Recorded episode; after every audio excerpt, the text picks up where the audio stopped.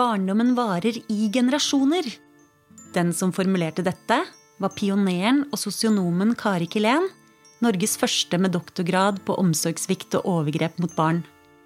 Kilén har jobba for utsatte barn og deres familier i 70 år og opplyst tusenvis av fagfolk og studenter.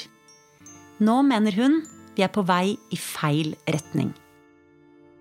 En dråpe vann, en løvetann. En blomst som ikke vet sitt eget navn. Jeg heter Inga Marte Torkelsen, og jeg har laget denne serien. Gjennom mitt eget engasjement har jeg blitt opptatt av to ting mer enn noe annet. At vi fortsetter å svikte barna, og at vi kan forebygge mye mer enn det vi faktisk gjør. I denne episoden skal vi bli kjent med Kari Kilén, hva hun har bidratt med, og hva som driver henne. De to neste episodene vil handle om kunnskapen vi har, men som vi ikke tar godt nok i bruk. Dernest vil Kari Kilén ta oss inn i de mest sentrale arenaene for å hjelpe og beskytte barn. Og til slutt vil vi se nærmere på utdanningene. Hei, Inga Marte. Hei! Velkommen. Tusen takk. skal jeg ta øra di? Gjerne. Jeg har tatt med meg opptakeren min til Kari Kilén sin stue. Her løper hun og mannen Tore opp og ned trappene på jakt etter ark, penn, en bok eller et stortingsforslag fra den gangen Frp-erne Carl I. Hagen og Jon Alvheim forsøkte å få fjerna alle bøkene hennes fra pensum. Solen slys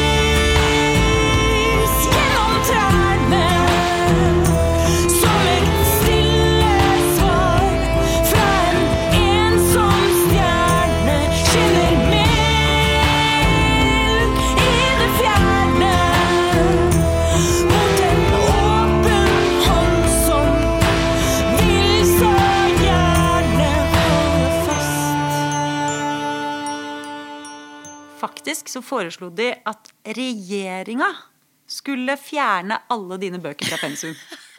Det er, det er sterkt. Ja, det er veldig sterkt. Hvordan også. føles det å kanskje være den eneste fagpersonen i Norge som har fått et sånt uh, forslag? Jeg må si at jeg, jeg, jeg tok nok lett på det, men det var jo fordi at jeg, jeg følte meg så trygg eh, i det jeg gjorde. Og jeg hadde internasjonal anerkjennelse i hva jeg holdt på med. Og, og uh, selv om det var mye profesjonskamper her hjemme, så hadde jeg jo veldig mye godt samarbeide med med både ledelser der jeg jobbet, eh, og, og kolleger i det hele tatt. Så det gikk ikke noe særlig innpå meg, det må jeg nok si. Hagen og Alvheim påsto i forslaget at Kari Kilén mente å kunne forutsi foreldres omsorgsevne basert på et lite antall saker som hun hadde analysert på Ullevål sykehus på slutten av 70-tallet. Et arbeid vi skal komme tilbake til.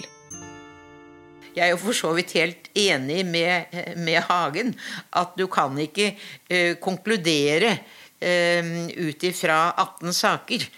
Eh, men det du kan gjøre, det er å analysere det og sammenligne det med den internasjonale forskningen som, eh, som allerede på det tidspunkt forelå. Ja, for De misforsto litt og trodde at du bare hadde tatt utgangspunkt i de få sakene du analyserte på Ullevål, og så lagde du et helhetlig poengsystem, kalte de det. Ja, akkurat har ikke laget det engang. Men det var jo en solid gjennomgang av internasjonal forskning. Men selv om kritikken haglet fra visse hold, har hyllest preget tilbakemeldingene fra mange fagfolk og studenter. Her er et lite utdrag fra sosiale medier. Var så heldig å ha hun som lærer for 40 år siden. Hun har satt ut slettelige spor. En bauta. En unik kapasitet. Hvorfor tror du at du fortsetter å være så relevant tiår etter tiår?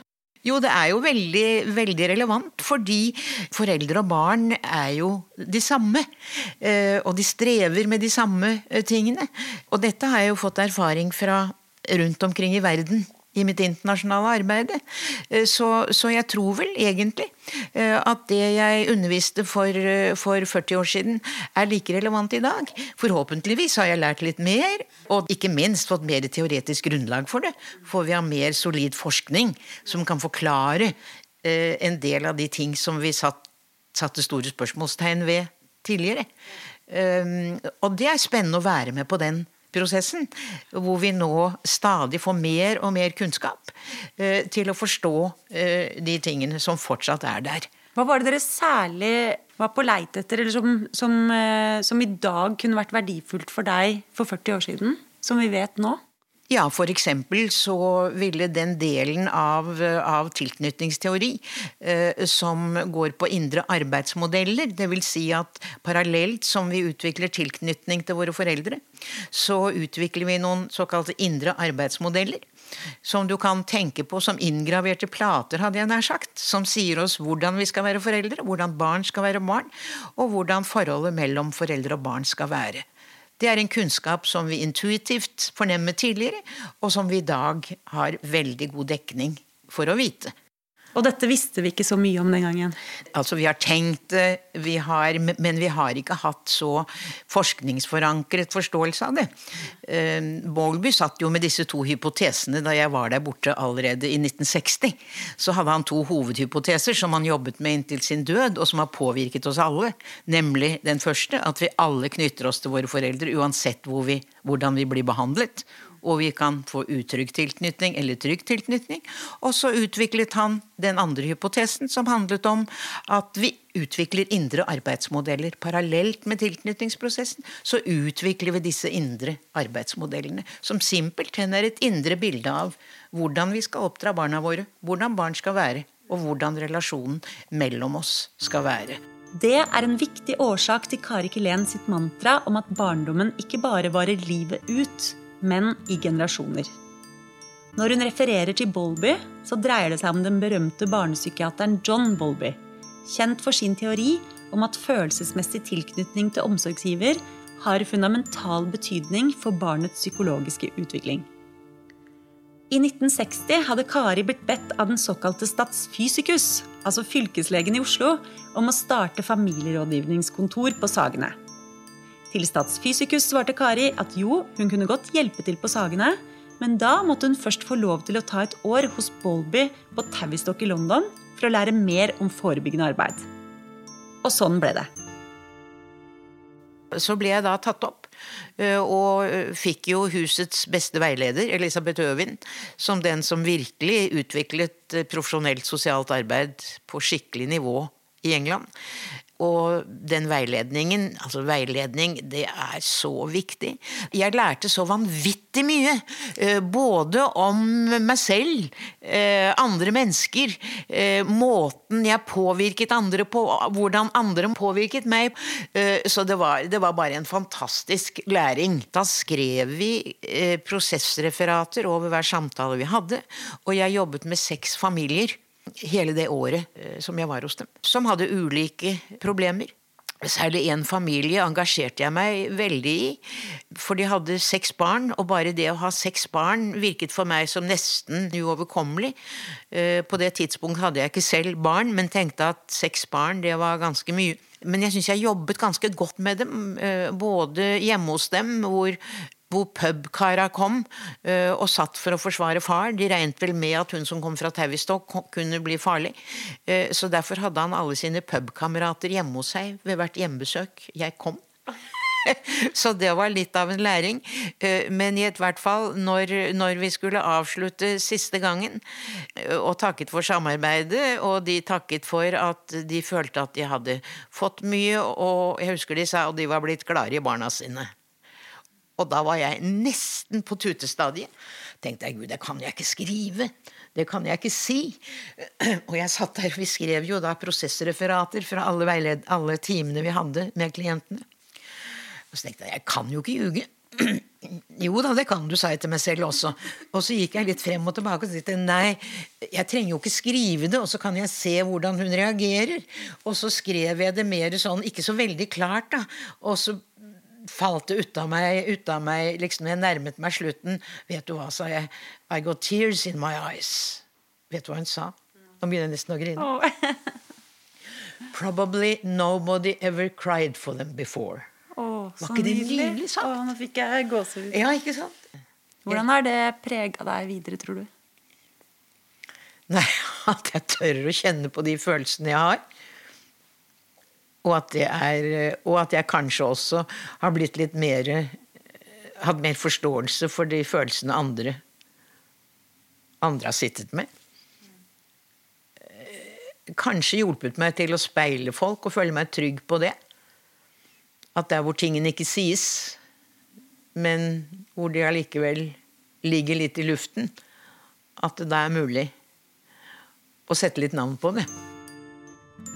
I dag er Kari ekstra opptatt av relasjonskompetansen, som nødvendigvis må involvere følelser. Vi har jo på en måte satt likhetstegn mellom eh, profesjonalitet eh, og distanse. Som er langt fra det jeg har lært i de ulike utdanningene jeg har, har vært i, har gått igjennom. Det har jo først og fremst dreiet seg om et personlig engasjement, med en følelsesmessig innlevelse og nærhet, kan du si når mennesker strever med store problemer, så har de behov for å oppleve mennesker som virkelig eh, er engasjert i både å forstå dem og i å hjelpe dem. En av dine store inspiratorer og for faget sosialt arbeid, det er jo den gamle filosofen Søren Kierkegaard, som opererte allerede på 1800-tallet. Ja, tenk på det. Eh, og det han sa, det er skal vi lykkes med å hjelpe et menneske, må vi passe på å finne han der han er, hvor han er, og begynne der. Det er hemmeligheten i all hjelpekunst. Og så fortsatte han med å si at for å kunne hjelpe en annen, må jeg forstå mer enn han, men først og fremst å forstå det han forstår. Det er viktig, hva? Og siste setning hvis jeg ikke gjør det, hjelper min kunnskap slett ikke. Det var utgangspunktet for profesjonelt sosialt arbeid. For Kirkegård, når han snakker om at du må starte der den andre er Han tok jo ikke til orde for at du skulle holde stor avstand. Du måtte jo leve deg inn, sant? Å ja, absolutt. Vi måtte leve oss inn i, i hvor klientene var, de følelsene de satt med.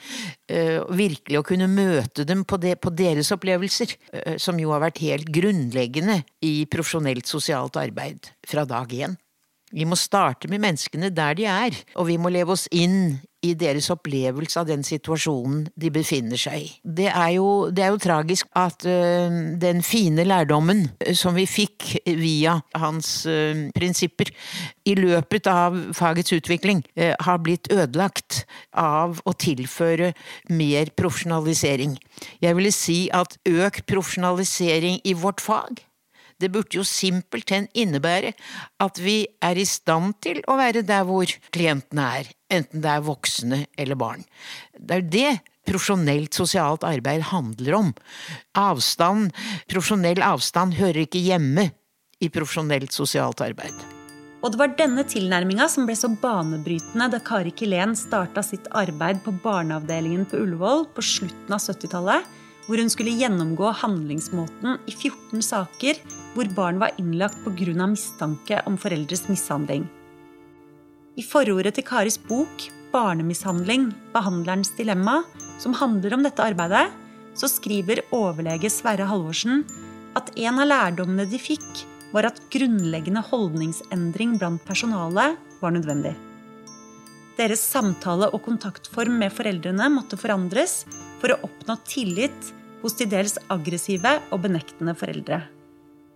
Når jeg spør Kari hva hun selv tenker har vært spesielt viktig i hennes lange periode på feltet, så er det nettopp arbeidet på barneavdelingen hun trekker fram. Når jeg ser tilbake på det som en veldig viktig periode, så handlet det om at jeg kunne eh, selv bestemme grunnlaget for hvordan jeg ville jobbe. Og da eh, bestemte jeg meg veldig hurtig, veldig si det var eneste mulig for meg å gjøre, eh, det var å bygge opp eh, relasjon til både foreldre og barn. Du kan få til hva som helst hvis du har en god relasjon til foreldre, og hvis de virkelig føler seg helt trygge på at du kommer til å være ærlig, og du kommer til å være ivaretagende.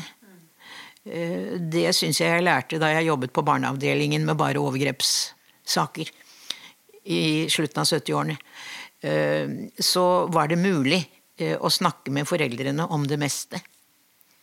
Selv om jeg aldri etterforsket noe, så fikk jeg alltid vite det. Hva som hadde skjedd. Så Jeg tror de følte seg trygg, trygg på meg. Og de har jo behov for hjelp. De føler jo ikke det er godt å ødelegge ungen sin. Og det er jo sånn som jeg også kunne legge armen rundt dem og si. Så det er noe med Det er sterkt. Ja, det er dette med å se helt klart forskjellen på å undersøke med håndblikk på forståelse og hjelp, som jeg har vært inne på tidligere, og dette med å etterforske for å finne hva som er i veien. Du sier at eh, man kan få til hva som helst hvis man har en god relasjon til foreldrene. Eh, Hvor viktig er det å ha en god relasjon til barna? Det er jo minst like viktig. Og ja, absolutt. Og du kan si også når det gjelder barnet, så er det viktig at barnet opplever at vi har respekt for deres foreldre. Og at vi er i stand til å samarbeide godt med foreldrene. Det er like viktig for barna. Uansett hvordan de har det hjemme og hvor store vanskelighetene er, så er det foreldrene det har vært knyttet til, og som det er, som det er opptatt av. Og det er viktig. At vi i vårt samarbeid med barnet er veldig klare på at vi ikke avviser foreldrene deres, men at vi kan formidle en forståelse til barnet.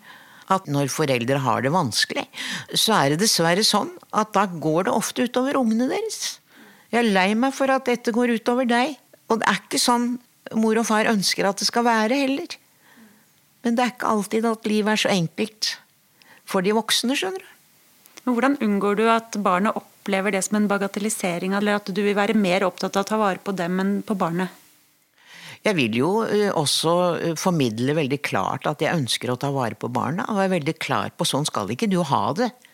Jeg vil prøve å være der hvor barnet er, da, kan du si, og, og se hvordan barnet tar imot uh, dette. For det er jo viktig å få fornemme da hvordan barn reagerer. Veldig mange av dem eh, føler jo skam, eh, angst, fortvilelse gjennom år etter år.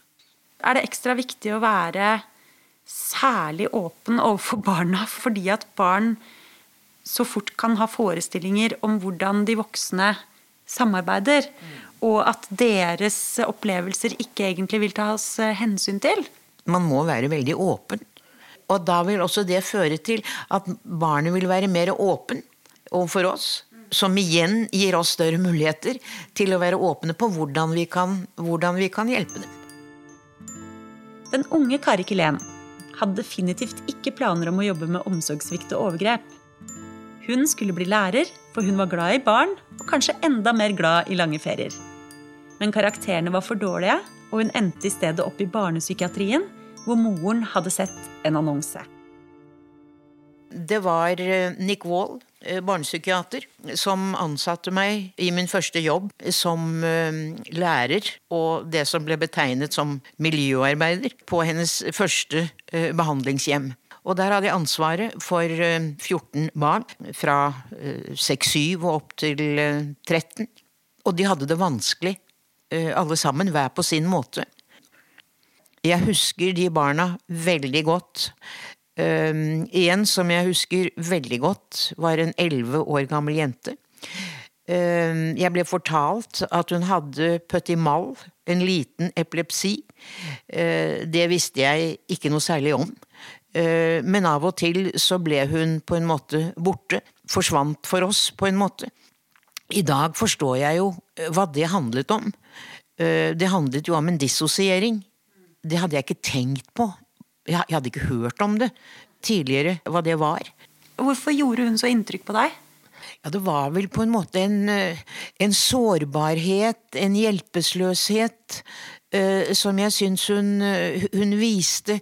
Hun, hun var diffus, engstelig og urolig i veldig mange situasjoner.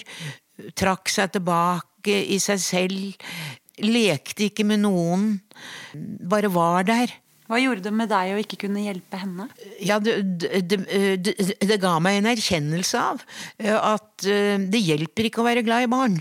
Eh, For jeg forsøkte meg på å få kontakt med henne og gjøre ting sammen med henne, og, men selv når hun ikke fikk disse anfallene sine, så, så var hun veldig lite tilgjengelig. Satt og, og smilte med et veldig utrygt ansikt, hadde jeg nær sagt, som om hun ventet at at hun ikke hadde noe godt i vente.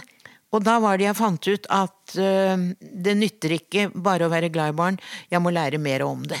Så gikk jeg på det amerikanske biblioteket som lå på Stortingsgaten, og så tenkte jeg de må jo helt sikkert uh, vite noe mer om dette.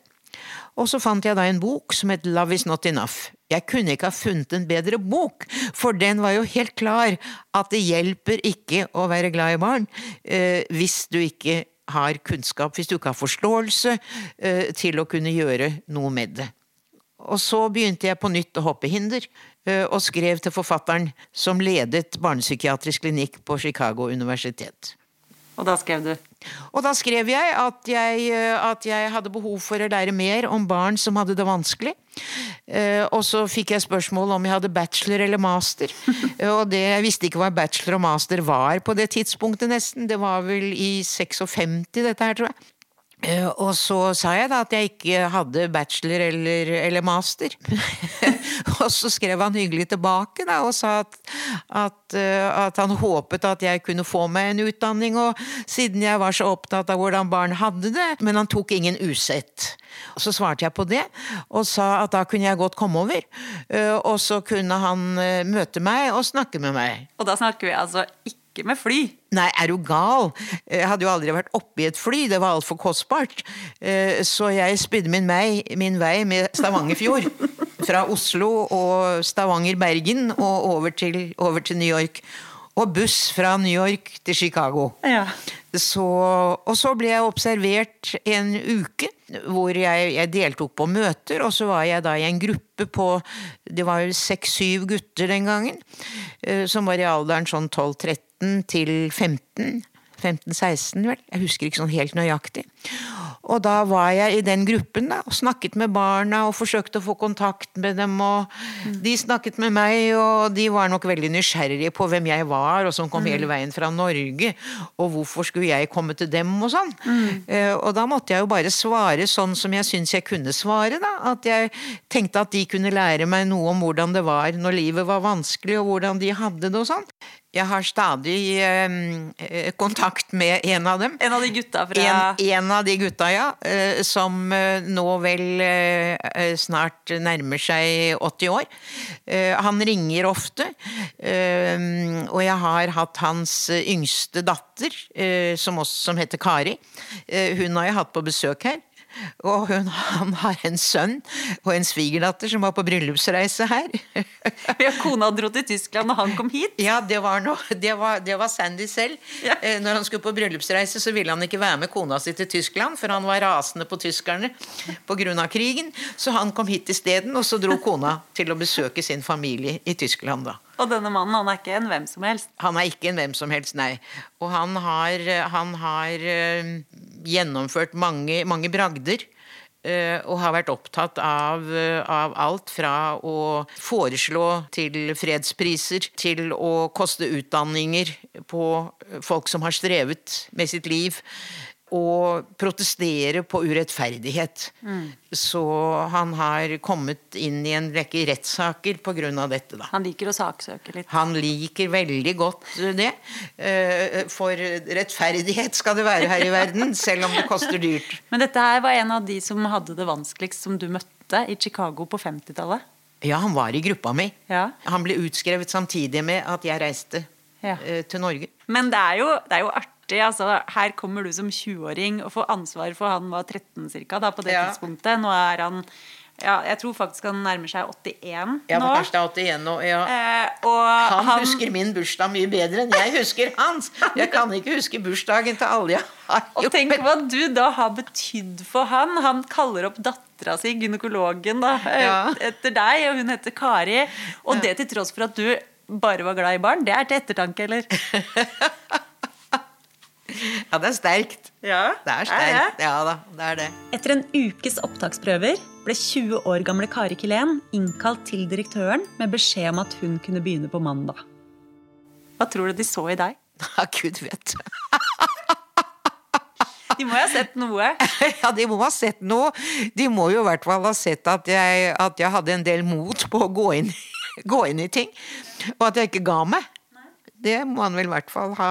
Og så registrerte han vel at jeg fikk rimelig god kontakt med denne guttegruppa. Men tror du ikke at det at du var veldig glad i barn og ville lære, at det var noe de barna merka? Og jo, det tror jeg, og de opplevde helt sikkert at jeg var veldig nysgjerrig og veldig interessert i dem, og likte å være sammen med dem, og ja Fordi det å være glad i barn, selv om det ikke er nok, så er det jo en forutsetning for å etablere en kontakt. Det er opplagt. Det er et utgangspunkt, kan du si. da. Ja. Hvis du ikke er det Og det gjelder både barn og voksne. Det gjelder mennesker. Du må være glad i mennesker. Eh, I hvert fall for å, hvert fall for å overleve på dette området. Og så må du få god opplæring og god veiledning, altså. Slik at du virkelig blir tatt vare på i læreprosessen. Og der tror jeg vel kanskje i dag at det er veldig mange som ikke har vært privilegert, eh, som har fått denne, denne gode, gode veiledningen, gode hjelpen. Eh, Kan du si med Jeg visste jo ikke at disse var verdens ledende eh, på dette området. Det ante jeg jo ikke. Kari Kilén blir i USA i to år. Ettersom hun forstår mer av hva hun kan gjøre for å hjelpe, så kjenner hun også at veien er stukket ut for henne. Hun fant måter å lære på som gjorde at hun kunne utgjøre en forskjell for barna. I dag sier hun at det var avgjørende at hun begynte med praksis og ikke med teori. Å føle seg utilstrekkelig gjorde noe med henne. Smerten ble en drivkraft. Eh, Dette var jo barn som var, eh, som var meget skadete. Eh, Og la meg med en gang si, de var ikke skadet av, eh, av eh, fattigdom. De var simpelthen skadet av relasjonene i familien. Og de hadde, det, de hadde det forferdelig dårlig. De hadde en selvfølelse som var veldig lav. De følte selv at det ikke var noe verdt. De følte selv, og lekte også med tanken på, det husker jeg, på å avslutte livet. Og hvor gamle var de?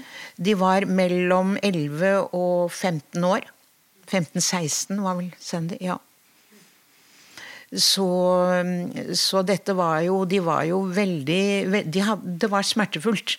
Um, og det, det, det året jeg var, var i barnepsykiatrien, uh, på det behandlingshjemmet, så var barna mye yngre som jeg hadde, men de var jo minst like De opplevde like mye smerte.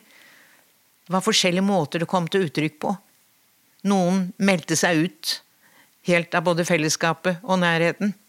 Eh, Andre hang seg fast, eh, så jeg ikke kunne bevege meg. Og for deg så var det et veldig viktig poeng. At du så en smerte, men du visste ikke helt hva du skulle gjøre med det. Og det ble en indre drivkraft hos deg for å lære mer faglig, sånn at du kunne være til nytte, sant? Ja, absolutt. Den har vært en veldig sterk, eh, en veldig sterk drivkraft, den. For jeg har jo opplevd etter hvert at jo mer jeg har lært, jo mer har jeg kunnet bidra. Og det er jo, det er jo i seg selv en, en, veldig, en veldig god motivasjon for å fortsette. Men det inntrykket som de barna gjorde på deg for så mange år siden, det sitter fortsatt i.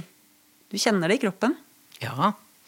Og da kom det nye etter det, som har, som har forsterket det. Og også, ikke la meg, ikke la meg glemme foreldrene. Eh, Det er, det er smertefullt for foreldre å utsette sine barn for ulike former for, for omsorgssvikt. Eh, Det er ikke sånn som er så nærliggende, kanskje, å tenke.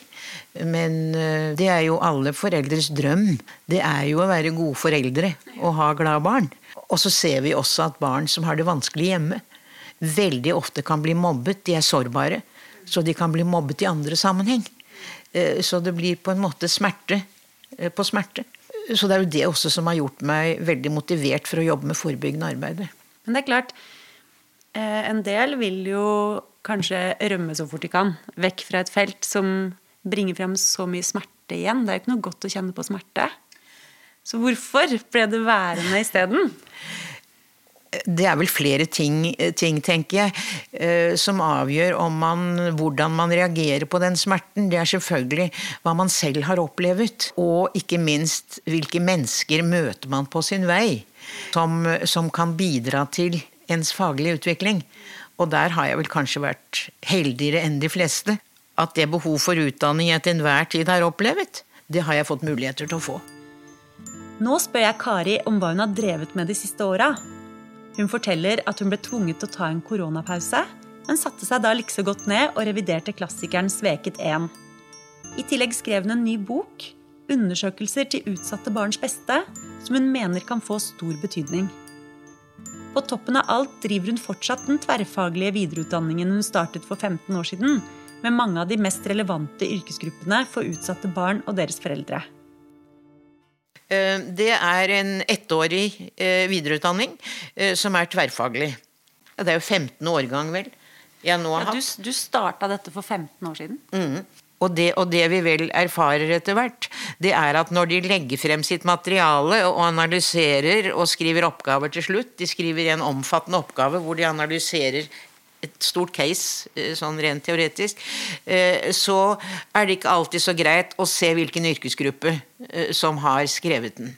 Men det jeg jo ser, det er jo at profesjonelt sosialt arbeids grunnlag, det er veldig anvendbart i veldig mange situasjoner.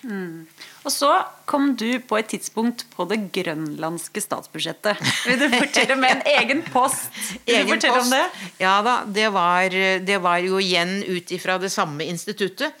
Jeg, jeg gjennomførte tre runder der. Eh, Men så begynte jeg jo å virkelig tenke at eh, nå er jeg 80, og nå, nå bør jeg kunne ta det litt mer med ro. Men du holdt på i tre år med Jeg dette, og fly år. fram og tilbake. Ja, ja.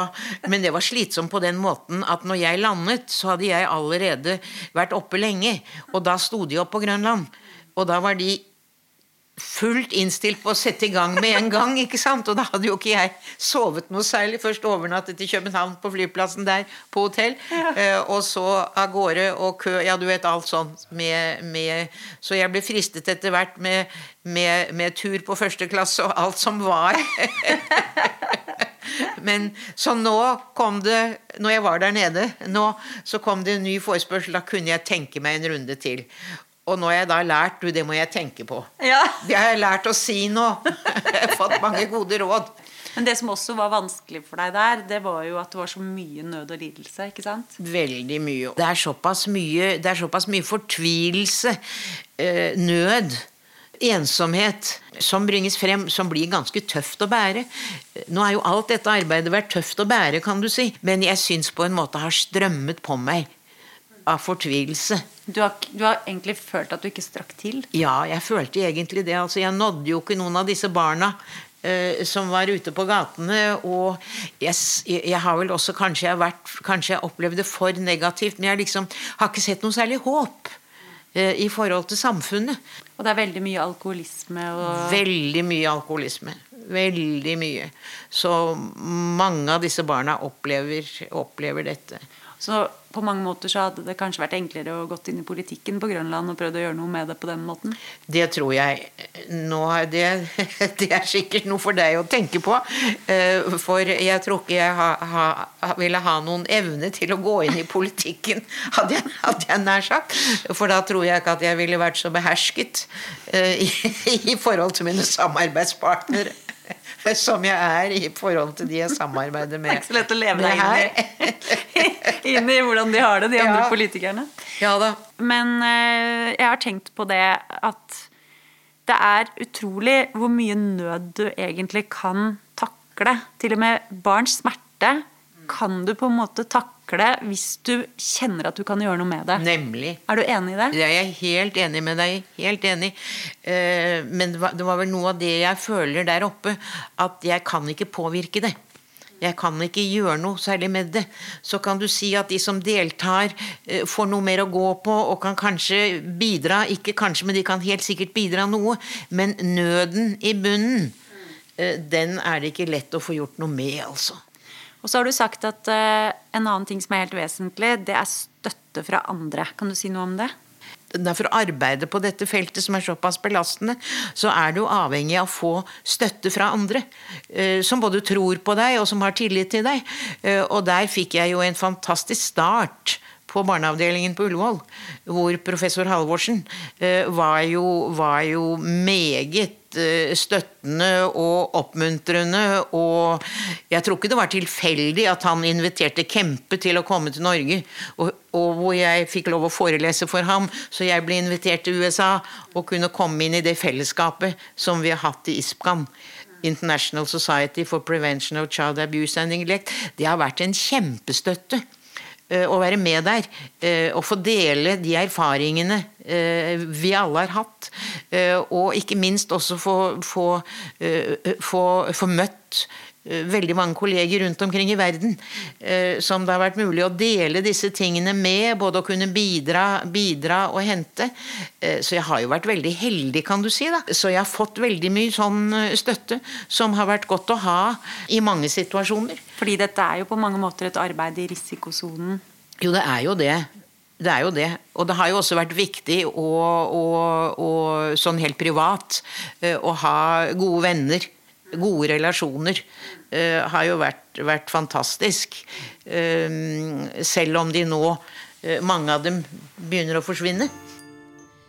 Vi begynner å mimre om de seks åra hun var president i den internasjonale organisasjonen mot barnemishandling og omsorgssvikt, kalt ISPCAN, om da hun fikk kongens fortjenstmedalje for innsatsen sin og en internasjonal utmerkelse. Hun penser imidlertid raskt inn på alt hun har lyst til å gjøre i tida som kommer. Jeg skulle ønske jeg hadde hatt ti år til, eh, hvor jeg kunne være eh, sånn i fysisk rimelig bra form. Eh, For da vil jeg jobbe videre igjen klinisk og bevege meg mellom det kliniske, praktiske arbeidet og veiledning og undervisning av andre. Og selvfølgelig, som jeg har gjort i alle år, og fulgt med på internasjonal forskning. Og nå kommer jo norsk forskning også så det virkelig suser. Så selv om det færreste av det er nytt, så er det i hvert fall en bekreftelse på at vi ligger ikke noe særlig etter andre land som har dokumentert mange av disse tingene. Hva er det du særlig ville, ville jobba med, da? Er det noen arenaer, eller er det det tverrfaglige hele veien? Det er nok det tverrfaglige. Så kliner hun til. Vi burde ikke gjennomføre omsorgsovertakelser uten at vi har hatt et, eh, et team med spisskompetanse eh, som virkelig har vært inne for å vurdere det. Det er, det er et for stort ansvar å tillegge eh, en yrkesgruppe eh, som er knyttet til barnevernet. Eh, En omsorgsovertakelse står jo for meg som en av de sterkeste inngripene i menneskers liv. Og da kan vi ikke la barnevernsarbeidere skulle sitte og ta den avgjørelsen. Eh, Da må man ha et, noen sterke team som i hvert fall kan trekkes inn i disse situasjonene, hvor man virkelig kan få en grundig vurdering av foreldrenes utviklingsmuligheter, eh, foreldrenes funksjon i dag, relasjonen foreldre-barn, eh, barnets, eh, barnets opplevelser av sin situasjon, fått snakket med barnet, og selv om ikke barn snakker, så kan de tegne, og de kan formidle så mye annet. Vi må virkelig trene oss i å se og lytte mer til barna. For det syns jeg er et savn i de saker hvor jeg trekkes inn. Altså. Så det, er, det er mange ting jeg ville ønske å jobbe videre med, men det er liksom noen av de tingene som jeg syns det brenner for. Vi må få skikkeligere undersøkelser av omsorgsovertakelser, og vi må få barna eh, mer, mer inn i disse, i disse sakene. Det er herlig, Kari. Du er altså snart 88 år når vi sitter her. Tenk Du- på det, du. Nei, du- du, tenk på jeg er 90 om to år! Hæ? Nei, gud, nå skal jeg nå Men 90 er det den- går på. 90 er den nye 60, eller noe sånt, er det ikke det? Ja, Så ja.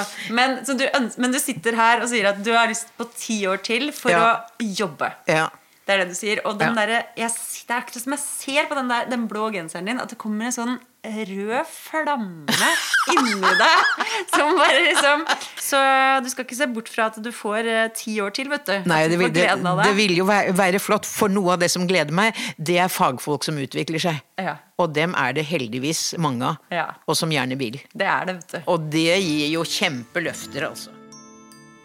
For meg har Kari Kilens innsikter i hvorfor vi svikter barna på nytt og på nytt, vært spesielt viktig. Men også hennes insistering på at det går an å forebygge veldig mye hvis vi bare har kunnskapen og motet som skal til, og kommer inn tidlig nok. Mer om det i de neste episodene. Hei, alle sammen. Jeg heter Angelica Kjos, og det er jeg som har laget låta du hører i podkasten Løvetann. Jeg er artist, foredragsholder og forfatter av boken Slipp meg fri. Men jeg er også en overlever. At det som skjedde med meg, kan skje med barn i Norge, burde egentlig ikke vært mulig. Men det skjedde, og det skjer fortsatt med mange, mange, mange barn. Husk at barn er maktesløse uten voksne som tror på dem, ser dem og forstår dem, og som behandler dem med respekt og innlevelse. Du kan gjøre en forskjell, så takk for at du lytter til denne viktige podkasten. Jeg vil takke for jobben Kari Kilén har gjort for at så mange barn kan i dag si at de er overlevere. Takk til Inga Marte for din ubrennelige engasjement i vold- og overgrepsfeltet. En barndom varer i generasjoner. En dråpe vann, en løvetann. En blom som ikke vet sitt eget navn. Først bøyd av vind, snart tung av regn. Under lynet i et tordenrefreng. I en veikant eller eng. Som om asfalt var det en seng. Nå står den her og blomster opp. Gjennom jord og grus,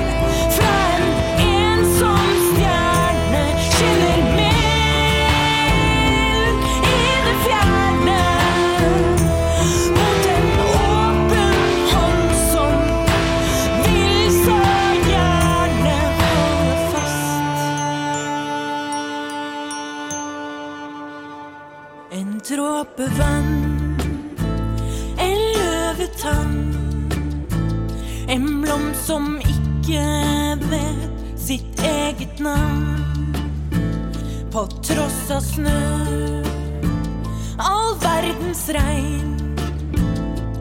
Under lynet i et tordenrefreng. I en veikant eller eng. Som om asfalt var den seng. Nå står den her